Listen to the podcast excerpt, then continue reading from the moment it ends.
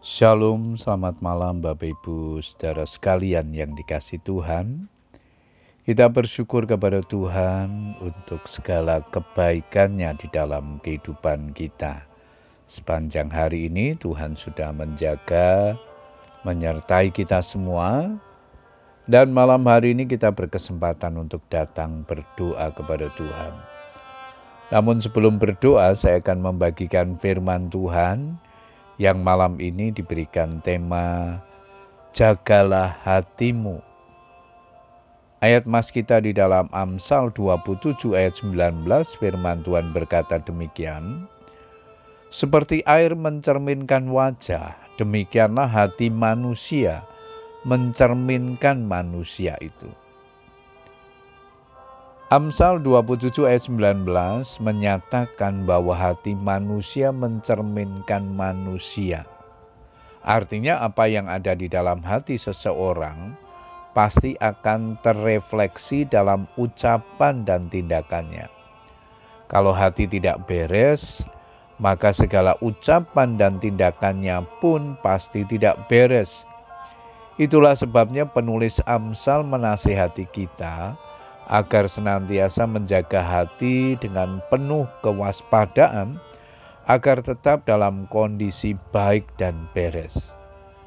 Jagalah hatimu dengan segala kewaspadaan, karena dari situlah terpancar kehidupan. Amsal 4 ayat 23. Mengapa hati harus selalu dijaga? Karena dapat menimbulkan berbagai masalah dalam kehidupan kita sehari-hari. Tuhan menunjukkan bahwa ada banyak persoalan yang dapat terjadi dalam hati manusia. Pertama, hati itu sumber kejahatan. Matius 15 ayat 19 di sana dikatakan, karena dari hati timbul segala pikiran jahat, pembunuhan, persinahan, percabulan, pencurian, sumpah palsu, dan hujat. Segala macam tindak kejahatan seperti membunuh, merampok, mencuri, menipu, memperkosa, dan sebagainya berawal dari niat yang ada di dalam hati si pelaku. Sungguh sangat mengerikan sekali jika hati tidak dijaga dan dipelihara dengan baik. Berikutnya, hati dapat menjadi degil, Markus 6 ayat 52 di sana dikatakan hati mereka tetap degil. Degil adalah sebuah kata yang sebenarnya sangat mengerikan. Karena istilah Yunani yang dipakai di sini adalah porosis yang berasal dari kata poros, artinya semacam batu yang kerasnya luar biasa. Tertutup oleh sesuatu yang tebal, mengeras, tidak kunjung paham.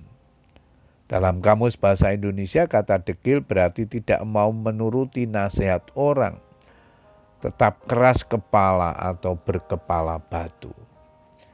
Yang ketiga, semua ucapan itu dari mulut. Apa pun yang terucap di mulut orang, semua berasal dari hati. Kalau hati benar, yang keluar dari mulut pasti benar. Sebaliknya apabila hati dalam keadaan keruh, pasti yang keluar dari mulut adalah hal-hal yang negatif. Karena yang diucapkan mulut meluap dari hati.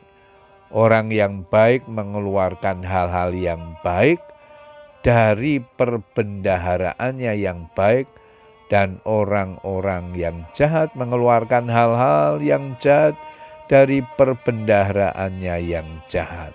Matius 12 ayat 34-35. Hati itu ibarat sehelai kanvas yang akan terbentuk coraknya sesuai dengan cat yang disapukan di atasnya.